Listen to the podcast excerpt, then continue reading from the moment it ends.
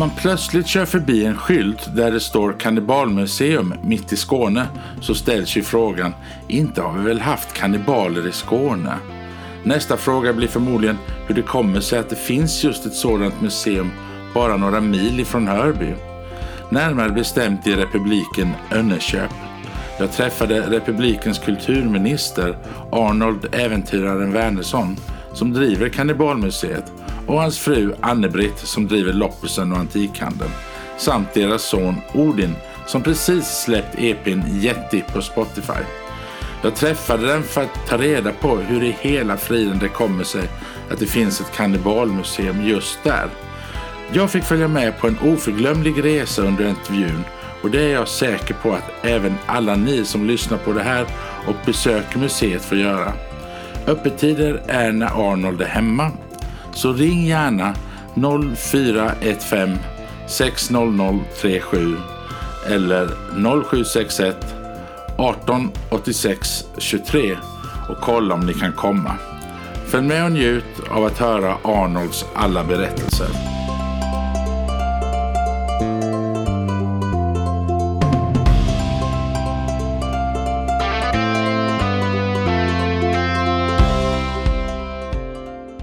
Får jag tacka jättemycket för att jag fick komma hit. Men jag tänkte börja med att ni två ska få presentera er själva.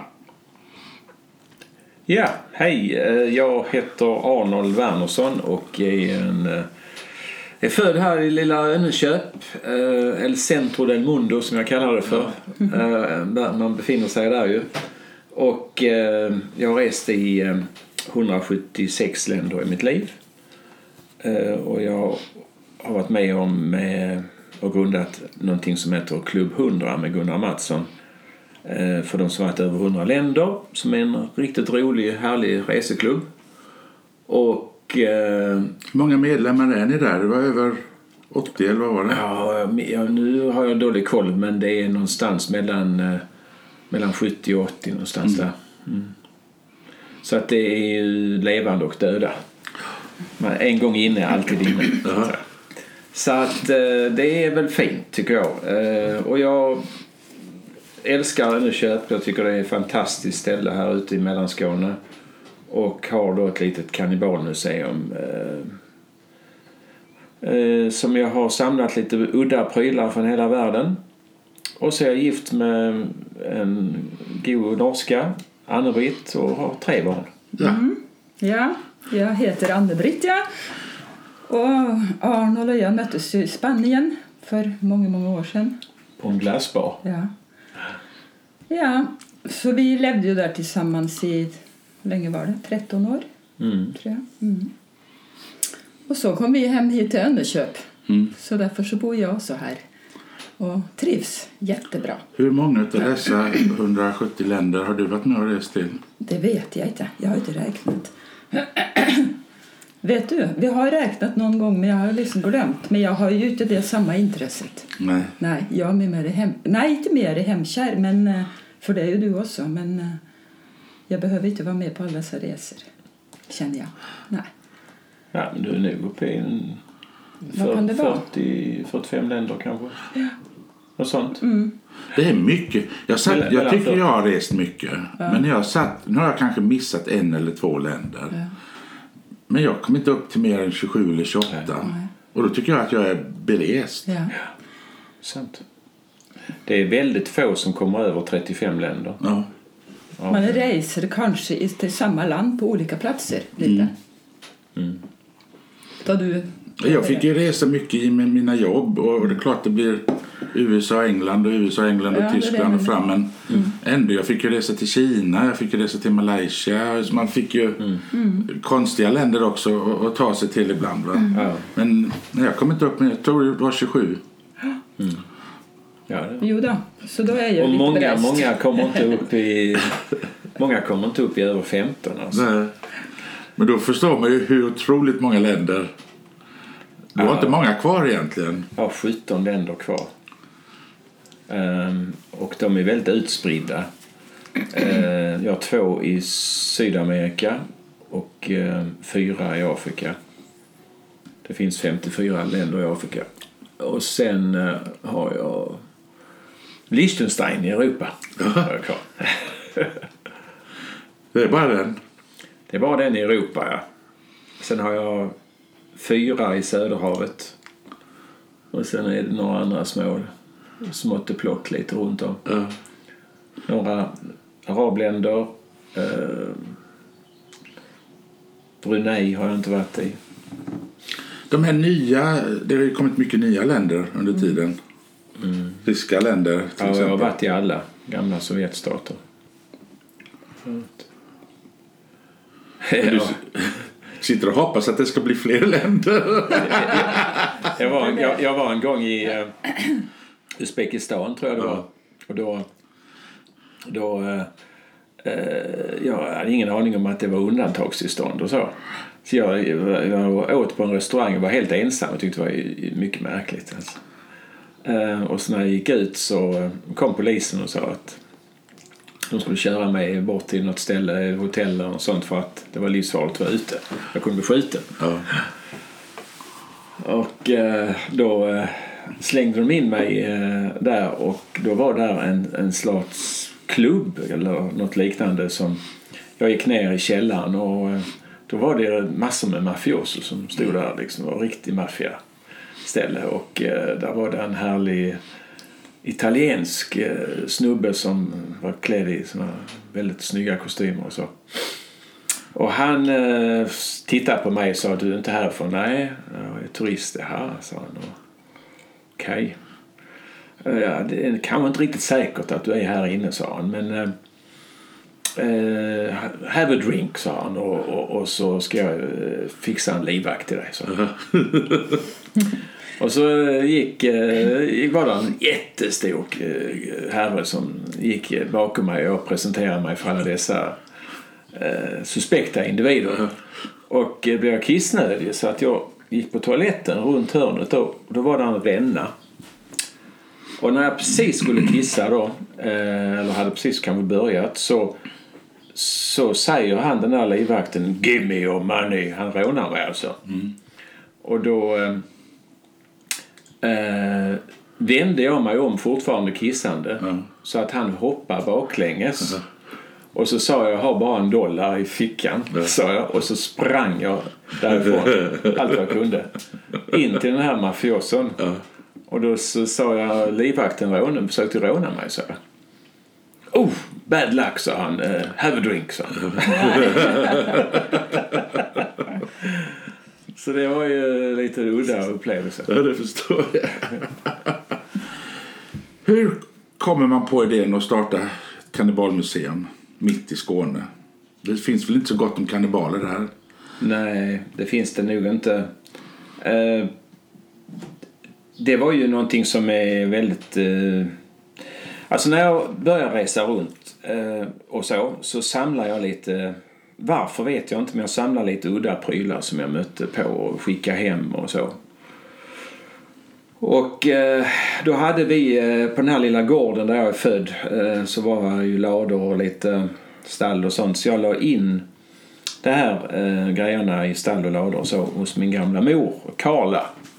Eh, som då eh, bodde här på gården. Och ja, sen var det så att jag träffade en konstnär som hette Bo Nilsson i Genarp och han blev så intresserad av att jag hade så mycket udda prylar så han ville att jag skulle ta och bevara dem helt enkelt och eh, jag var inte alls intresserad för jag tyckte jag hade inte tid till att och fixa museum och fixa galleri och så.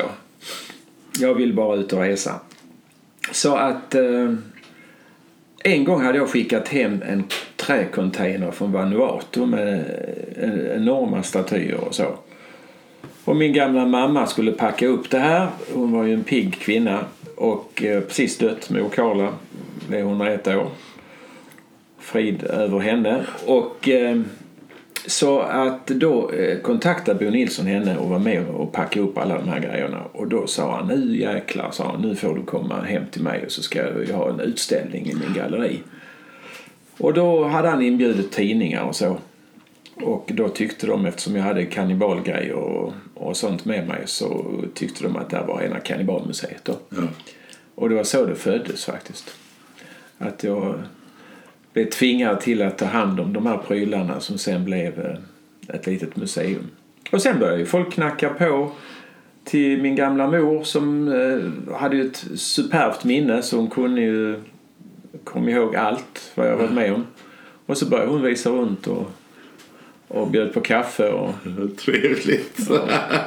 och eh, fick ju en väldigt innehållsrik ålderdom. Eh, och plus att eh, både jag och Anne-Britt och familjen vi tog ut mamma jättemycket och, så hon fick hon fick eh, bo med, när hon var 80 så liftade hon genom Latinamerika med mig med en liten väska och bodde hos indianer i Panama. Och, Det var bara dem. Och när vi var i Namibia så reste jag, Anne-Britt och Shanti och mor Karla. Hon var, hon var alltid med Alltid med så på reste våra, vi till, våra semestrar. alltid, Mm, alltid. reste vi till Victoriafallen och fick uppleva massor med äventyr mor. Så levde vi med min svärmor också. Ja. De bodde, vi hade generationsboende. När vi flyttade upp till Stockholm så ville inte vi lämna henne kvar ensam i Småland. Så att vi letade efter ett hus vi kunde ha ett generationsboende. Fördelen var att vi fick ju en läxläsare och läxlärare med barnen. ja. Ja, absolut. Tänk så fint. Ja. Så kunde hon och jag sitta och kolla på Hem till gården ihop.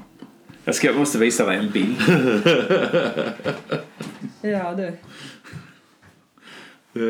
Men det finns, det var bara fördelar. Ja. ja, men det blir det ju. Ja, Tänk så bra för henne också. ja vilken kvalitet. Det är ju som man skulle önska. Ja. Själv man kan ju inte kräva det. Nej.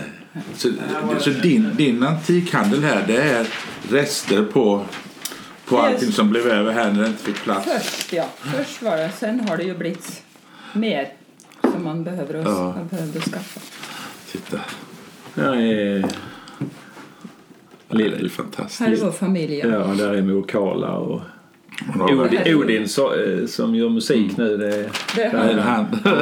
han var piratkapten. kapten hela uppväxten. Det är en livslevande Pippi-familjen det här alltså. Fast med söner istället för döttrar. Nej, det är en dotter också. Det är en Ja, dotter där är också. Shanti. Hon är ju otroligt konstnärlig. Gör jättehäftiga tavlor och statyer och grejer. I Göteborg bor hon. Och Viktor är en fantastisk fotbollsspelare i Lunds BK. Och, eh, studerar till mäklare nu. En eh, skön lirare. Ja, skönt. Det är väl härligt när man ser att det går bra med barnen. Ja, Det är väl Det det, är är väl det liksom- bästa man kan önska sig. ja Att, att, absolut. Det är det som är nummer ett. ja, precis. Jag vet att jag frågade dig innan vi började inspelningen, men hur blev du en äventyrare? Alltså det var ju Sten Bergman i, i radio som eh, inspirerade mig. Och eh, jag var ju, vi hade bara några, några hästar och eh, några kor här på gården och så. Vi hade ingen bil, far gillade inte traktorer. Så att eh, vi hade en gammal radioapparat. Både väldigt enkelt men en underbar uppväxt här ute på landet. Alltså. Och då hörde jag på Sten Bergman när han eh, berättade om att han blev adopterad av en kannibal och han fick övernatta i björnide i Kamchatka och så. Ja. Det var en stor äventyrare på upptäcktsresande kan man säga på f- 20, 30, 40, 50-talet. Ja. Och eh, då blev jag jätteintresserad när han berättade om hur han blev adopterad av en kannibal och tänkte att tänk om jag en gång får träffa kannibaler. Jag, alltså det, det, jag, jag kommer ihåg detta alltså. Ja. Fem, sex basta. Och även eh, att jag kanske skulle vilja känna djungelns hetta och träffa indianer och så. Och det har jag fått göra. Ja. Det är fantastiskt. Det är ju fantastiskt. Hur... eh, Ja, vi frågade ju dig innan hur många resor familjen har fått följa med. Men har barnen fått följa med på några av de här upptäckts... Alltid varit med. Alltid varit med? Ja. Ja, vi har aldrig lämnat ungarna hemma. Så de har alltid varit med. Shanti var ju bara, då vi var i den första resan till Shanti på Seychellerna. Då var ju hon baby, så att Ja, säga. just det. Då, det var ju så skithäftigt. Vi hade ju ingen... Ann-Britt och jag och lilla Shanti. eh, Då vi- var inte farmor med, nej. Nej, då hade vi ju, fick tag i någon billig biljett och vi hade nästan inga pengar och sånt va. Och kommer till, eh, då till Seychellerna och så hittar jag en, en båt som går till ett ställe som heter eh, La Digue. på den tiden. Och eh, det var ju, det blev ju storm och alla spydde ner alla. Och Ann-Britt och Shanti låg i korg aldrig. där. Och, Åh, helt nerspydd och, och grannfruarna och jag fick hålla mig i masten och sånt. Och sen eh, kom vi dit till Nalla Digg och då upptäckte vi plötsligt att eh, vi hade ju inte råd att bo på det här lilla hotellet. Sånt var för dyrt. Ja. Alltså. Så vi vandrade ut där i, i skogen och, med, och rätt som så kom vi till en riktigt gammal nerfallen eh, kolonialbyggnad. Ja. Eh, Och det var julafton tror jag. ja, det var julafton. Och då kom vi som med, med ungen här bärandes och, och så. Och då står de här, här kommer Jesus och Maria. Och, så fick vi bo där. Och det var ju jättekul. Jättemysigt, jättetrevligt ställe. Fantastiskt ställe som heter Chalet Saint Claude, kommer jag ihåg nu. Ja. Bröderna Masson hette de. Ehm, och där var ju en väldigt intressant herre. Va? För att när vi bodde där så kommer det lokalbefolkning dit och slänger säckar med eh, burkar överallt. Så hela deras tomt, jättetomt, var full av tomburkar. Eh, Öl och läskburkar och så. Och eh, jag förstod ingenting. Och då satt här eh, den ena gubben mason med långt skägg. Han satt där och så skrev han upp hur många de hade slängt. Och, Ja. och så betalade han lite pengar och så. Så där var ju tiotusentals burkar. Var kanske hundratusentals Ja. burkar. Och eh, eh, det visade sig att staten, the government då, det var ju en René hette presidenten på den tiden, var en socialistisk president eh, som eh, gärna beslagtog alla hus som var, såg lite bra ut och så. Ja. Så de fick, kunde aldrig reparera upp husen och så. Eh, Och eh, han eh, betalade då typ eh, 25 öre burken för att de lämnade in det här till återvinning. Ja. Medan då kanske Mason betalar 50 öre burken typ. Och eh, då blev det så att det fanns inga burkar till slut till, eh, till staten att ta hand om. Och då fick de göra en deal med honom och betala kanske en krona burken. Så så han tjänar sina pengar. Ja. Smart. Hur, när, ni, när ni har rest, du sa att du, du rest med liten kassa. Det, det måste väl ha två problem. Både det här med att det kan kosta mycket att resa. Men man, man lär sig väl att resa på liten budget förmodligen. Ja, och det gör man. Eh, alltså jag har ju rest eh, ensam, har jag liftat genom Afrika. Eh, från väst till öst och sen ner till syd. Och eh, det är ju jätte... Eh, då, då, då, då går man på en diet kan man säga. Då har man en stor dunk vatten och, och lever billigt och så. Och, så att man kan ta sig fram eh, billigt och bra eh, länge. Men just det där med att resa ibland, någon gång checkar man in och kan tvätta sig fantastiskt ren och njuta gott en dag och sen kan man ut i skiten igen. Just den här mixningen när man reser, det tycker jag är det, det roligaste. Du berättade inom museet att man behöver viss mut, mut eh, eh, grejer med sig för att... Ja, du har ju tobak och lite sånt. Ja, och tobak, tobak har räddat mig många gånger. Jag minns en gång i, i Liberia var det väl när eh, Charles Taylor styrde. Det var ju en fasansfull herre alltså. Eh, och hela det här med att de högg av händer och fötter på lokalbefolkningen i Sierra Leone och även Liberia och så. Va? Eh, då var jag där och eh, då satt jag med en en snubbe som hade en bil som inte varit hemma och hälsat på sina föräldrar på flera år för han hade inte vågat. Och eh, då blev vi tagna av eh, de här eh, neddrogade barnsoldaterna som stack in Kalashnikoven genom rutan. Och, och då hade jag ju då tobak med mig, Ja. cigarettpaket. Så att jag gav dem varsin cigarettpaket och de frågade vem är vad är det här för en viting och vad gör han här och sånt och var ska du hen och ja, jag ska hem till mina föräldrar. Varför det? sa de och så. De var väldigt eh, stressade. Ja. Så det var väldigt obehagligt. Och då, ja, tänkte jag jag ger dem två paket bara. Ah, ni får en hel limpa. Och så, och så förändrades deras sätt från oss till att de skulle dela upp cigarettpaketen och då kunde vi sticka. Ja, precis. Så det, det är bra att ha tobak med. Får berätta det för min hustru. Ehm, hur stor del av ditt liv nu spende- spenderar du på resande fot? Nu eh, försöker jag... Eh, dels försöker vi kanske vartannat år göra en riktigt rolig resa hela familjen ihop. Och eh, kanske vartannat år försöker göra en långresa. Ehm, och så. Och, så att det är liksom... Det är lite olika då. Men det är kul, tycker jag. Men era resor är inte Torrevieja och, och Mallorca och Solkusten utan det är... Nej, men jag, alltså jag säger så här. Alla resor är bra. Jag, jag dissar inte någon resa. Alltså, åker man till någon charterställe eller någon, eh, något annat ställe så, så eh, träffar man folk, man träffar människor och det ger utbyte. Så jag, eh, jag kanske reser inte ofta charterresor. Eh, men jag tror jag reste en gång från Vancouver till Mazatlan i Mexiko. Men, men man kan säga att det är... eh, Jag, jag tycker att alla resor är bra för folk. För att man vidgar sina horisonter lite.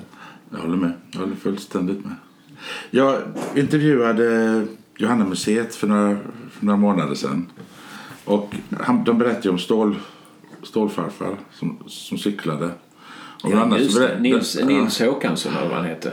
bland annat så berättade de om resan från Skåne till Rom. Eller nej, Jerusalem var det väl? Han cyklade väl till Jerusalem Ja, ja, det stämmer. Och han hade ju problem, han kunde ju inga, inga språk. Nej.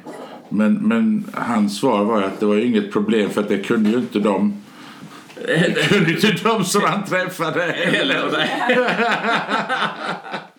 Det var inte ens samma som män. Ja, jag tänkte det måste ju vara samma problem som du råkade ut för när du reser. Ja, men det var ju fantastiskt. Min gamla mor, va? hon kunde ju ingen engelska och ingenting sånt. Men hon pratade ju på ändå. Ja. Eh, och det gick ju, hon klarade sig hur bra som helst. ja.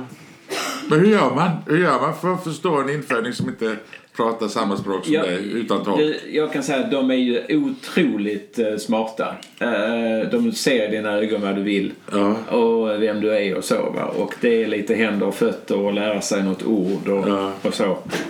Så funkar mycket alltså. Det kan jag säga. Men du, men du, men du, har ju, du har väl bott hos dem och bott ganska länge? Det är inte bara liksom in och ut utan du har fått vänner när du reser runt på det här viset också? Ja, det får man. Man får vänner. Och eh, problemet är kanske så att ehm, när man har en drivkraft att man vill se världen så vill man ju oftast inte åka tillbaka Nej. dit man har varit. Va? Man, har, man har får vänner som man håller kontakt med, inte minst brevledes, för jag, jag gillar att skriva brev. Eh, Eh, för det, är- det är någon grej man får i handen, man kan läsa, man kan uttrycka det på ett annat sätt och så. Ehm, så jag träffar Madagaskar är ett land som är väldigt svårrest och, och besvärligt och så. Dålig infrastruktur, men det är väldigt intressant att komma dit. Och ehm, då träffade jag en gammal eh, tysk främlingslegionär. Jag och eh, Gunnar Mattsson, min gode vän från, ehm, från Göteborg och en kusin till kungen i norra Madagaskar. Vi träffade en främlingslegionär som hette Fritz och som hade eh, när han var ett barn hade han eh, skjutit under kriget i Berlin när de tog Berlin, ryssarna och sånt. Va? Så sköt han, låg han och sköt folk och fick medalj av Hitler tror jag. Och eh, då var han ju inte gammal, kanske åtta år och sånt. Eh, och eh, han blev sen främlingslegionär och hade pensionerat sig i eh, norra Madagaskar och fått en son som hette Fritz Junior.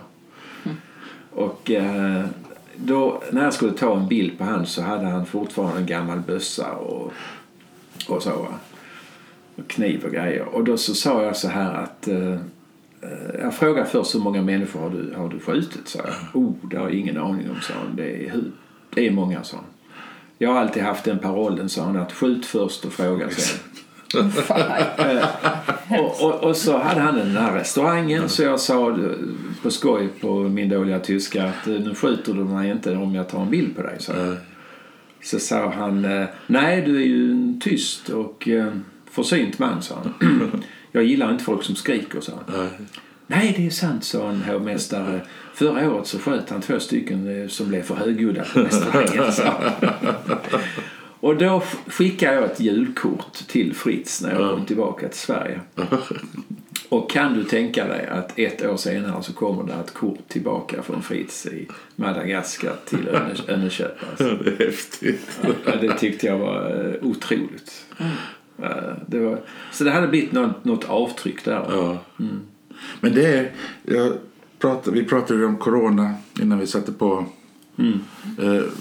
Jag har en bekant vars far gick bort. Mm. Och, och de berättar att modern mm. fortfarande tyckte det var, det var viktigare att skicka ett handskrivet brev mm.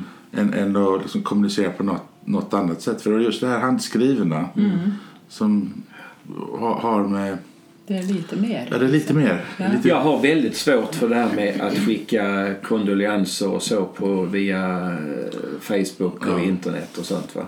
Um, när det är jul och så så vill jag skriva mitt eget julkort och hela familjen gör ju det. Mm. Och um, det känns så mycket finare att ha någonting i handen. Alltså att någon har brytt sig, inte bara tryckt på en knapp ja, och, och skrivit samma berättelser som man skickar till alla andra och sånt. Det, det, det, det är ingen hit alltså. Det är, inget, det är ju inte personligt. Det är inte personligt. Men idag, idag används ju sms mm. och messenger och sånt mm. mer än telefonen. Mm. Det, det, är ju konstigt. Jag kommer ihåg när jag hade min första mobiltelefon och man satt och fick första kameran i en telefon och tyckte man ska man ha en kamera i en telefon till. Men ja. det här är ju folks kamera idag ju. Ja. Ja.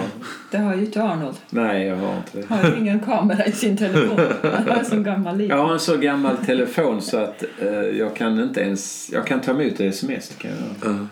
Ja, det är bra. Men det är bara det du kan. Det är att ringa alltså. Det är ringa. Mm. Mm. Du måste och ringa och prata med folk alltså. Sen, glö sen glömmer jag den överallt och så. Ja. så att, uh, det är inte lätt. Det är samma som med de här, man behöver senilsnöre på dem. Ja. ja. Det är sant. Det är, mitt, det är mitt största utgiftskonto, det är glasögon. Du kom precis hem från Kongo om jag förstod Just saker och ting rätt. Kongo. Vad var du där nere och det var upptäckte? Så, ja, det var så förstår du att um, jag, träff, jag har en gammal kompis som heter Lave, som heter Lave från Stockholm, eller bor i Stockholm nu. Han är från Ängelholm. Och vi uh, vi snackade om att vi skulle försöka göra någonting eh, och då, då kom Kongo upp eh, för mig alltså. Eh, Kongo är ju urskog, det är urhemmet kan man säga i Afrika för vår civilisation i Europa kan man säga. Så att vi här i Europa, vi kommer ju alla DNA-testade människor. Vi kommer alla från bushmen och, mm. och, och pygméstammar och så vidare ursprungligen en gång i tiden. Alltså. Så att det, jag tänkte att det kunde vara intressant. Nu pratar alla om hur farligt det är i Kongo mm. och det är eh, jag hade inga problem med Ontelavi heller någonstans. Va? Men däremot kan man säga att det gamla belgiska Kongo som heter idag Demokratiska republiken Kongo mm som heter Zaire innan Zaire. Eh, det är ett väldigt stort område som är större än Sverige, Norge, eh, Tyskland, Frankrike, Spanien och så vidare. Och där är då den östra delen av det landet, eh, det är ju riktigt farligt område alltså, ja. som är styrt av krigsgeneraler. Mm. som har sina egna slavar med och utvinner allt och skickar allt till Kina och så vidare. Och så vidare där människoliv spelar absolut ingen roll. Nej. Inte någonting. Och det är rätt intressant för jag har hört rykten om att i vissa delar så äter man människohjärtan. Och det äter man kanske inte för man är hungrig utan det är därför att man eh, eh, vill vinna kraften på den människa man tar livet av. Alltså. Och det är, jag pratade med en bankir där eh, som var son till en av, som, en av de som grundade Kongo en gång i tiden. Mm. Och han berättade att det är mycket vanligt så att, eh, att man gör det faktiskt. Min kusin flydde ju precis, precis sista dagarna det gick att fly därifrån. Hon var ju missionär där nere. Ja. Och jag förstår saker och ting så nästan hela skolväsendet i den delen av Afrika är uppbyggd av svenska missionärer. Ja, just det. Eller nordiska det är missionärer. Säkert, säkert. Eh, sen har det ju eh, själva... Nu finns det två Kongo. Republiken Kongo, som är ju då det gamla franska Kongo. Kongo-Brazzaville säger man i dagligt tal. Och sen finns det ju då Kongo-Kinshasa då, som är ju då eh, gamla belgiska Kongo. Och de har ju lidit något oerhört, eh, belgiska Kongo. Alltså det var ju kung Leopold, eh, belgiska kungen, som gjorde det här landet som sin egen privata eh, utvinningsområde med förfärliga eh, händelser som eh, alltså otroliga eh, oförrätter som gjordes mot infödingarna. Alltså, där eh, man räknar med att kanske det dog i Kongo under kung Leopolds tid lika mycket människor som dog under hela första världskriget. Jag fick för mig att det var många, många fler än vad som dog i koncentrationslägren under andra. Ja, ja. Mm. Så att man räknar med, svårt att säga, men runt eh, 10-12 miljoner kanske där eh, försvann i Kongo. Av eh, folk för, som tvingar då byarna till att eh, producera gummi, rågummi och elefantbetar och så vidare, så vidare, så vidare till eh, kungen. Och eh, de som inte kunde det, de högg de händerna av eller pryglade dem till döds eller hängde dem eller sköt dem eller skalperade dem eller gud vet vad de gjorde. Så att, och där, den, den Kongo eh, den Kongo-historien har blivit glömd. Bortglömd kan man säga. Kung Leopold sålde sen eh, sin egen fristad till eh, belgiska regeringen. Så hela då de belgiska städerna är ju uppbyggda av, av blodet från Kongo. Eh, Så det är en rätt intressant story. Och man kan ju tänka sig att många av de här eh, byarna och stammarna eh, det ligger djupt i de här eh, oförrätterna som har, de har upplevt. Va? Det måste du göra. Och, ehm, så det, där måste jag nog säga att eh, det är väldigt, väldigt intressant att, att komma dit. Va? Men jag hade aldrig några problem. Jag var i Kinshasa, 20 miljoner människor. Om du tänker dig 10 vägar med tiotusentals bilar, alla ska mynna ut i ett torg, sen ska alla ta sig därifrån. Det är, då har du en... Då har man en Man kan inte fatta att det man kan inte fatta det. Eh, Och jag har, jag har alltid min gamla hatt på med fjädrar och grejer. Och eh, folk var väldigt snälla mot mig och buga och fick för sig ibland att jag var häxdoktor. och Så, så att eh, det var ju otroligt vänligt. Jag hade, fick träffa bonobo-aporna, människans närmsta släkting. Eh, 98,8 procent. finns kanske bara 10 000 sådana apor kvar i, i hela världen och det är i Kongo. Eh, otroligt häftigt. Eh, jag skulle ta fram min gamla systemkamera för att ta en bild på en, en av ledarna för den apflocken då. Och han överöste mig på fem sekunder med lerbollar. Så hela, hela kroppen var täckt av lerbollar. Han trodde att det var en pistol jag tog upp. Ja, ja. Det var inte populärt. Så att det var ju en eh, underbar händelse kan man säga. Du, på alla resor du har gjort, vilken resa har lämnat djupast intryck på dig? Vilken resa! Nu senaste resan gjorde ett stort intryck. Det var när jag träffade Madame Charmar som har en organisation som heter HELP. Och det är en 78-årig dam som räddar schimpanser ute i urskogen i Kongo-Brazzaville.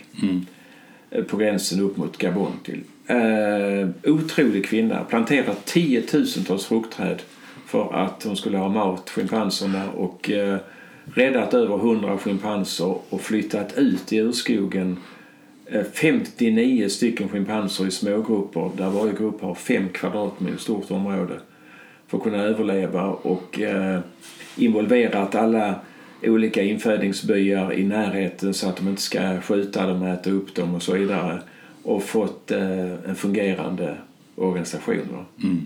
Och det, eh, det tyckte jag var en stor art att, att träffa dagens Diane Foss i, i verkligheten. Alltså.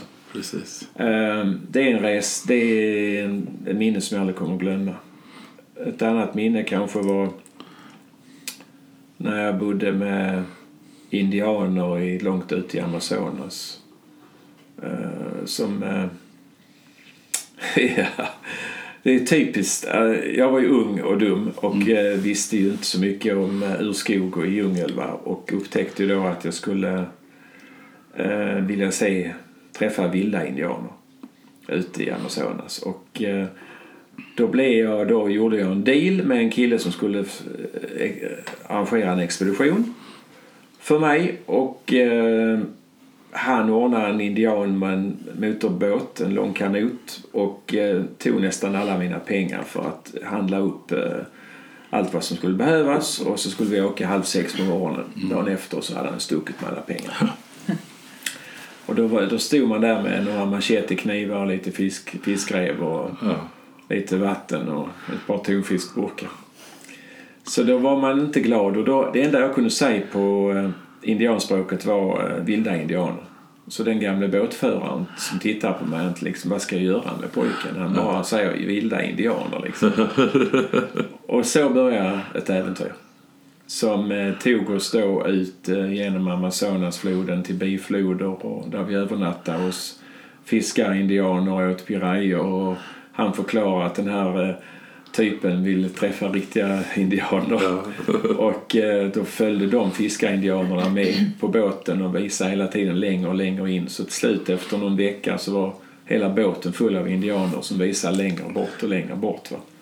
Och på det viset så fick jag träffa riktiga indianer. Ja. Är inga kannibaler. Nej, inga kannibaler. Så, det var ju fantastiskt. Men kannibaler har jag fått träffa också. Hur, hur kom det till att du träffar första kannibalen? Första kannibalen, eh, första personen jag träffade som hade ätit människokött det var i väst, nordvästra Nya Guinea. Ehm, som blev min kompis. Ehm, helt underbar typ. Ehm, eh, Daram tyckte jag, jag tror han hette någonting typ, det är svårt att uttala namnet, Daram Tabuni och sånt. Han hade eh, de hade väldigt tufft infödingar där uppe för eh, det är ockuperat, västra Nya Guinea var ockuperat, är det fortfarande av Indonesien. Och eh, de har varit, eh, soldaterna har gått väldigt hårt åt infödingarna. Så att eh, han hade varit med om att äta upp två indonesiska soldater i sitt liv, den, den killen. Och han blev ju min vän. Ja. Och helt täckt av grisfett och bara ett penisskydd, ett långt rör. Ja. Och, eh, eh, helt underbar människa. Och han älskar tobak. Och jag hade ju då tobaksflätor som jag skulle ge till hövdingar som mutor och sånt. Och så skulle jag då hacka små lite tobak och rulla. Eh, och, och så gick han på en cigg i halvtimmen alltså. och, och då var han med mig i flera veckor innan han eh, tobaken tog slut och då stack han då ju. Men, det är en riktig Arnold. Ja, det var det verkligen. Det var väldigt charmant här tyckte jag. I, i, I vissa delar av, av Sydafrika går man väl, räknar man väl distans på ko, koka... Eh, Hur många kokablad som, ja, som det tar att tugga. ja, precis. Ja. Och där, där uppe är det liksom, du får du guidning baserat på hur mycket tobak du har runt halsen. Ja. ja. det är sant.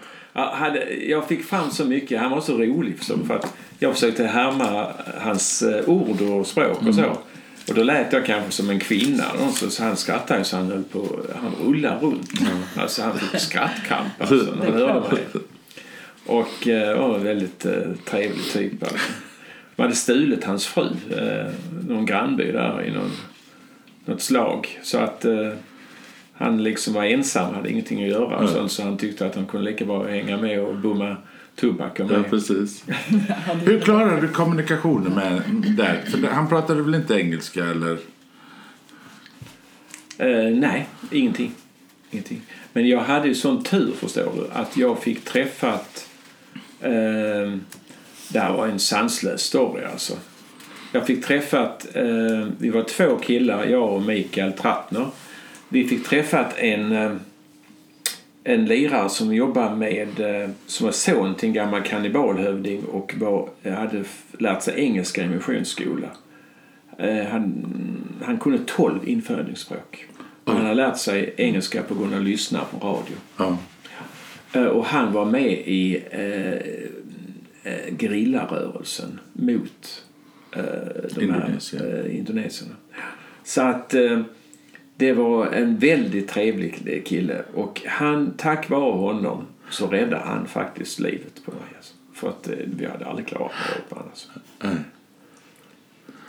Hur, hur många stammar, kannibalstammar har du mött under dina resor? Jag har träffat eh, människor som ätit människokött eh, i Melanesien, de stora penisskyddens stam. Jag har träffat folk i, i Afrika som har berättat att de ätit människa. Det smakar kalv, säger de. Eh, I, eh, eh, I de stora penisskyddens stam sa de att det smakar långgris. Det smakar sötare än griskött. Eh, och jag minns en, en grej som jag aldrig kommer att glömma även om jag blev senil och gammal. Så, så sa de att vitingar generellt sett eh, smakar eh, inte så gott därför att vi ruttnar för sakta. Ja, Vi har för mycket salt och, och skit i oss. Medan svart kött, mörkt kött, alltså svart kött, eh, smakar bättre. Men kineser prisar dem för sina rån. det glömmer jag aldrig. Och det måste varit risdieten kanske. ja, det måste vara väldigt ovanligt. Hur många, hur många kannibal, olika kannibalstammar finns det? Vet du det? Ja, ingen aning. Det är väldigt... Det sägs ju nu när jag var i Kongo så sägs det faktiskt att det finns någon... Eh, eh något ställe i Kongo där det finns gamla kannibaltraditioner. Eh, jag har träffat en mäklare en gång i, i, i eh, Lagos som hans far eh, gav mig ett recept på eh, med- sås till människa faktiskt. Och han kom från ett område i eh, östra Nigeria på gränsen mot Kamerun till där. Där det var gamla kannibaltraditioner berättar Willifred hette han. Jag läste nu när jag pluggade på innan jag kom hit att du har till och med fått eh, information om vilka kryddor som bäst lämpar sig till människokött. Ja, just det. Eh, det, men det har jag tyvärr, jag har tyvärr slängt det pappret. det är synd. Men, Slängt ja, ja, det har bara försvunnit. Eh, men man, jag minns att man skulle kossa palmnötter eh, och man skulle... Eh, vad var det mer? Ja. Det var några andra kryddor också. Pa, paprika, tror jag. Paprika. En slags paprika man använde till Eh, De flesta som kannibalerna de, de, har inte människokött som föda utan det är mer rituellt, eller hur? Precis. Man, eh, man, dödar, man dödar ju aldrig någon som man kände. Eh, utan det var ju en fiende va, som man kunde äta upp. Det kunde också vara så att man kunde ta om det var någon stor ceremoni och man behövde en sån speciell människa så, eh, så kan man eh, ta någon som är helt okänd. Men då kan man inte ens hälsa på den människan. Alltså.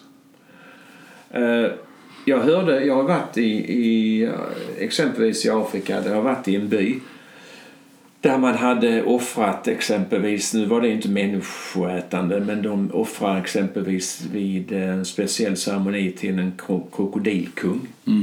Så offrar man en eh, femåring. Eh, för att kanske connecta det här sambandet mellan byn och krokodilerna och så. Så det finns ju mycket eh, olika traditioner i världen. Va? Och, och jag menar vi, eh, det där med att äta människokött och sånt och, som offer det är ju det finns ju till och med i, i Bibeln ju, att vi ska äta Kristi likamen och dricka Kristi blod och Ja, sånt. precis. Det är ju också en, en härrörelse kan man säga från från gamla, gamla, gamla tider. Man tycker det låter väldigt... Ja. Det är inte bra. Nej, det låter väldigt udda. Men Ja, mm, man ska ta upp eh, den eh, goda energin. På museet har du lite andra grejer än bara kannibal Jajamensan. Bland, du har... Vad var det nu? Stalins, bit från Stalins hus, eller vad var det? Ja, just det. En liten flisa från han, den här gamle massmördaren. Ja. Från hans födelsehydda. Och jag har ju massa roliga snäckor och jag har eh, människoätar järngaffel och Ja. grymta huvuden och Albaniens gula sidor och ja, allt möjligt. Ja, det, man kan nog gå där inne. Det, det är inte ett stort museum, men det finns väldigt mycket grejer i det. Det finns många stories. Ja. Hur har du med öppettider och sånt här? Öppettider, man får ringa mig så jag är hemma. Mm. Eh, tyvärr är där, ligger det på någon Google att, eh, insatt att jag är, är där vissa timmar varje dag och så är där. Men det, det är ju någonting som jag inte alls är utan det går inte att ta bort. Det är någon som har satt in Fattar inte hur det har kommit dit. Så att eh, man måste ringa mig så att jag är hemma. Om man hittar dig på hemsida, din egen hemsida, man hittar dig på uh, uh, Greater Copenhagen någon webbsajt som jag hittade, men man hittar det på Facebook också. Ja, det gör man. Men eh, framförallt måste man ringa mig så att jag är hemma. Och då får man ringa min 60037 i Hörby riktnummer eller, eller försöka hitta min lilla mobilnummer. Ja, jag hittade dig på, på, på hemsidan. Så Där fanns allt. Sista frågan innan, innan jag avslutar det här. Vad finns det kvar att resa och upptäcka för er? Anne-Britt och jag och hela familjen vi hade ju egentligen drömt, för nu fyller Anne-Britt 60, att vi skulle åka till eh, eh, Argentina och eh, Paraguay och Uruguay och så. Eh, men nu har ju corona kommit in så då, då faller det. Eh, tyvärr. Men eh, där finns ju... Jag tror så här.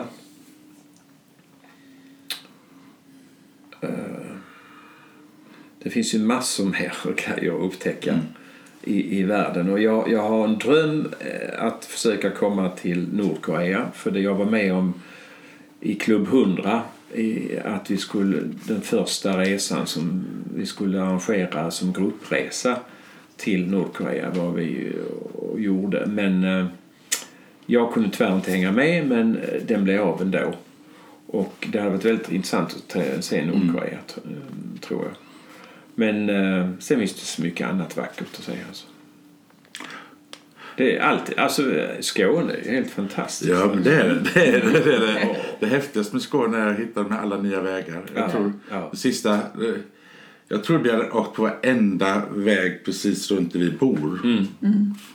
Men jag hittar fortfarande Ja, men det hela är ju vi tiden. också. Ja, Eller det jag är har ju inte varit. fortfarande, även jag, hittar fortfarande vägar. Men vi är ute här och kör. Oj, här har jag aldrig kört förut. Jag tycker det är helt underbart. Det är helt underbart. Och sen det fina är, ty- tycker jag, det är ju det att man träffar människor. Ja. Och att träffa människor, eh, det gör att man eh, får eh, mer energi och man blir eh, mer, alltså, man blir glad helt enkelt. Jag tycker en del, jag tycker, jag tycker man blir rik av, av det. Liksom, F- det, det. Just den här erfarenheten, de här minnena. Jag kommer, jag kommer aldrig glömma den här stunden. Och det har gjort mig rikare. Ja. Och det, och det är det jag tycker, det är det som är hela glädjen med att göra de här programmen. Ligger i det. Ja. Att man blir rik av, av upptäckter, man blir rik av erfarenheter. Och, ja, det är häftigt. Jag får tacka så jättemycket för att jag fick komma hit.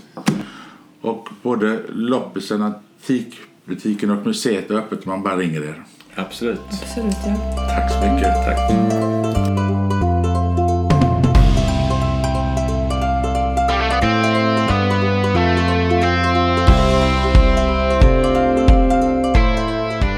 Ytterligare ett program i serien Fantastiska Skåne nått sitt slut. Vem vet vart det bär av i nästa program?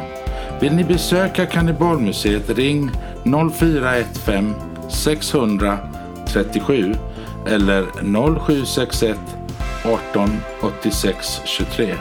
Jag kan varmt rekommendera ett stopp där.